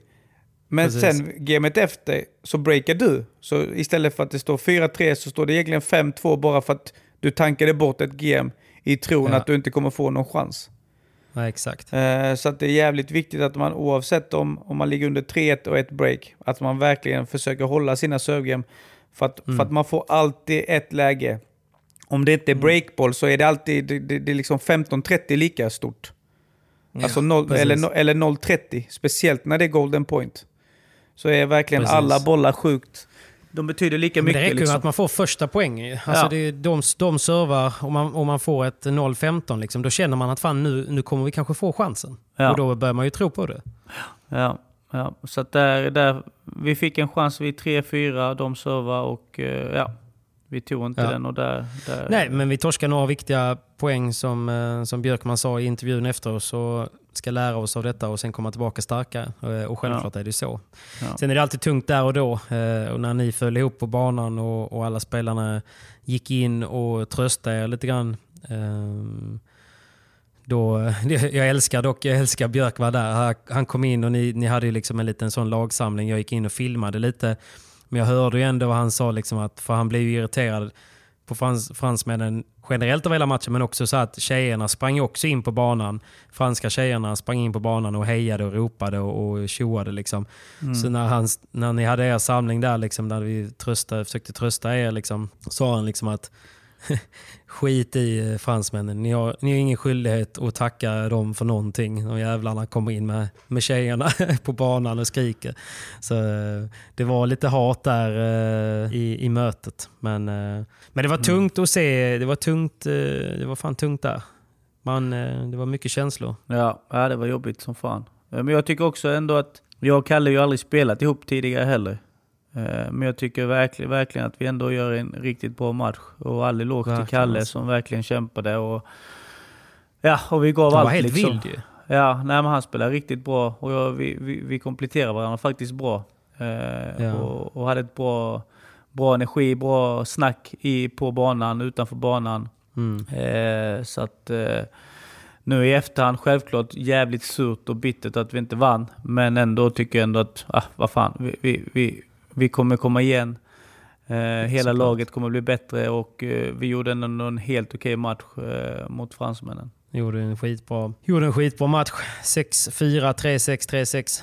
Men eh, framförallt så gör ni ju som, som lag en, ett fantastiskt mästerskap. Och, eh, det var jä, jag är jäkligt glad att jag spontant åkte ner för, för att få liksom dels få dokumentera det. Jag kommer ju släppa två, eh, två vloggar eh, liksom, kring dagarna och matcherna och lite stämningar runt omkring. För är det, det finns ju ändå som Simon pratade om innan att det, det är jäkligt stort att få representera Sverige och jag tror Mm. att när ni är där så är det ganska svårt att vara närvarande för man är så fokuserad på uppgiften och man är så kanske liksom uppe i hur ska vi ställa, upp och vem ska spela vem och jag vill spela och jag vill visa upp. Du vet så, här, så att man hinner kanske inte riktigt njuta av det men det var ju en grym inramning, en grym sammanhållning eh, och jag som ändå är liksom utifrån jag fick ju verkligen se det och, och känna det. Eh, så att eh, det var verkligen på riktigt. Jag tror att det här är början på något jäkligt stort som, för Sverige. Definitivt, definitivt. Det var mäktigt att få, få vara så nära som jag ändå fick vara.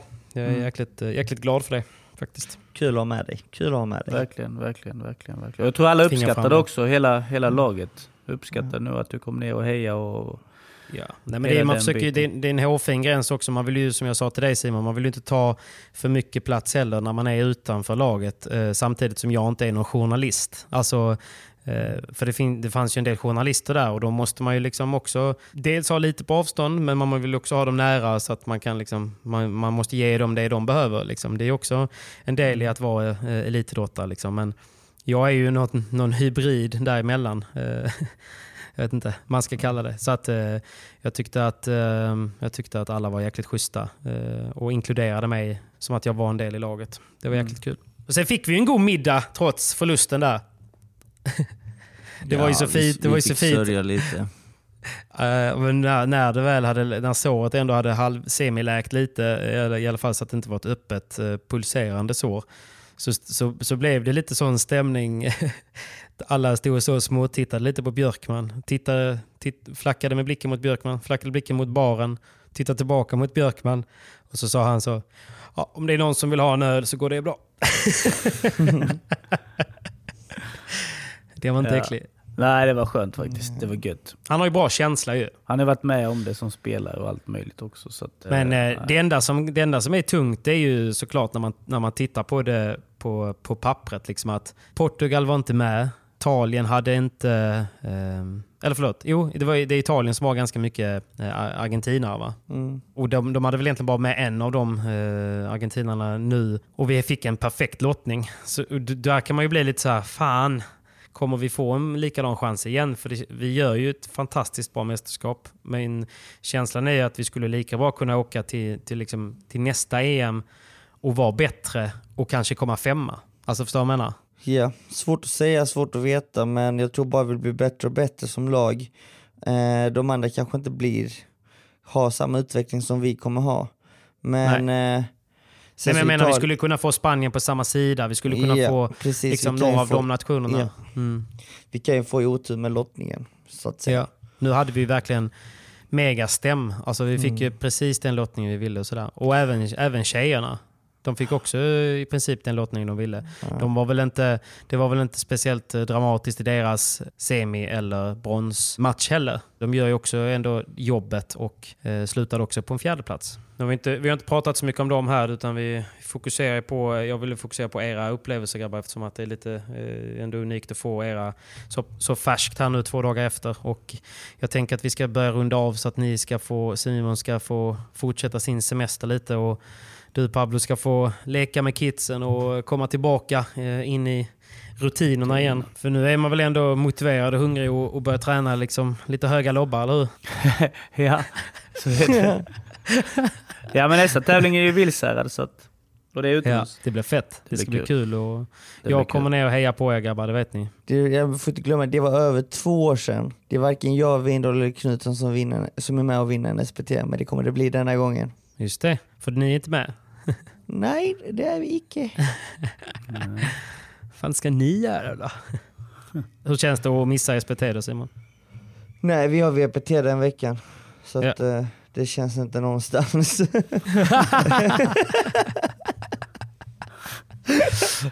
Nej, men eh, grejen är att eh, klart man kommer mm, tycka att det är tråkigt att missa det, för själva SPT-inramningen i Sverige, det, det är ett proffsigt. Det är proffsigt liksom, det är bra ju- organiserat. Sen har vi inte spelat med publik på länge så att jag vet inte, nu kommer det vara andra restriktioner så att nu kommer det nog vara lite publik i Vilshärad så att det är tråkigt att missa den såklart. Ja, det kan nog bli lite stämningen. det kan det nog bli. Men samtidigt, vi spelar sp- eh, VPT den veckan och flyger upp och ner, alltså det går inte. Det tar för Nej. mycket på en och man måste prioritera rätt tävlingar nu framöver för att kunna hålla hela säsongen. Precis, och du måste verkligen göra det, du som har lite ont i ryggen och sådär. Du måste ta tag i eh, kärnproblemet så att det inte blir värre. Ja, precis.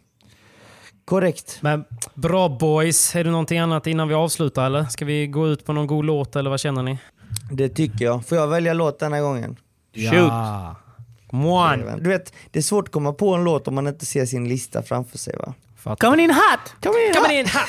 Oh, den, det var succé min story. Det var ju succé ja. Bästa någonsin. Riktigt sjukt. Ibland så ser man bara det. Ibland Mm. ser man bara liksom att fan, där kommer de gående. Jag, bara, jag hörde låten i mitt huvud, jag såg det i slow motion. Jag bara jag var tvungen. Ja, det var Du riktigt bra. Riktigt bra. Jag lägger, den, jag lägger den på vår story också. För er som inte har sett den. För er som inte följer mig. Coming in hot Simon! Yes, alright. Vill ni höra min låt nu då? Come on!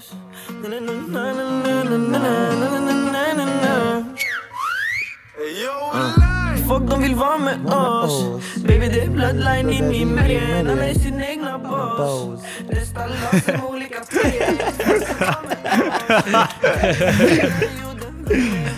Ja, men, du- vi tackar du, snälla innan- för att ni har lyssnat. innan-. Jag har Ja. några sista ord och det, det, som är, det som verkligen liksom gör mig glad det var att många av övriga nationer ville ju att vi skulle vinna och de tyckte Ja. att vi hade så sjukt bra la, lagsammanhållning och att vi var liksom så proffsiga både, både på och utanför banan hur vi hejade, hur vi spelade. Och, och det är därför jag valde denna låten för att alla vill vara som oss bror! Alla vill vara som oss! alla vill vara som oss! Ja, vi vann den matchen. Med det sagt så kommer ni inte se det, men ni kommer höra det för nu kör jag Drop the Mic. Ciao! Ciao! Hej då!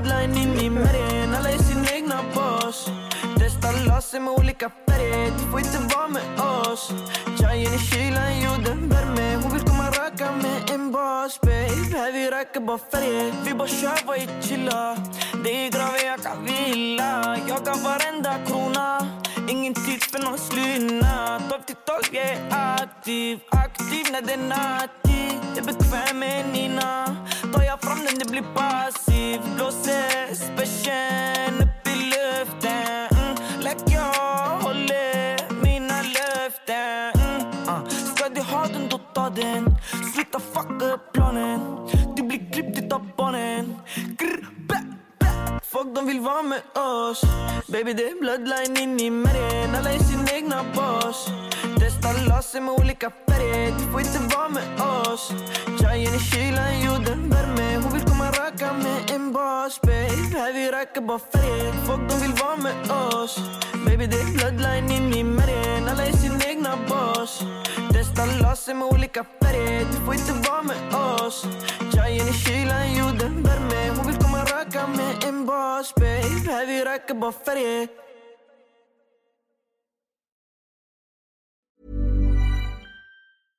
Imagine the softest sheets you've ever felt. Now imagine them getting even softer over time. That's what you'll feel with Bowl and Branch's organic cotton sheets. In a recent customer survey, 96% replied that Bowl and Branch sheets get softer with every wash. Start getting your best night's sleep in these sheets that get softer and softer for years to come. Try their sheets with a 30-night guarantee. Plus, get 15% off your first order at bowlandbranch.com. Code BUTTERY. Exclusions apply. See site for details.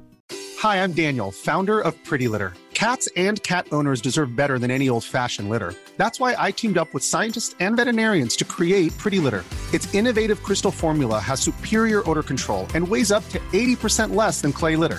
Pretty Litter even monitors health by changing colors to help detect early signs of potential illness. It's the world's smartest kitty litter. Go to prettylitter.com and use code ACAST for 20% off your first order and a free cat toy. Terms and conditions apply. See site for details. Planning for your next trip? Elevate your travel style with Quince. Quince has all the jet setting essentials you'll want for your next getaway, like European linen, premium luggage options, buttery soft Italian leather bags, and so much more. And is all priced at 50 to 80% less than similar brands. Plus, Quince only works with factories that use safe and ethical manufacturing practices. Pack your bags with high-quality essentials you'll be wearing for vacations to come with Quince. Go to quince.com slash pack for free shipping and 365-day returns.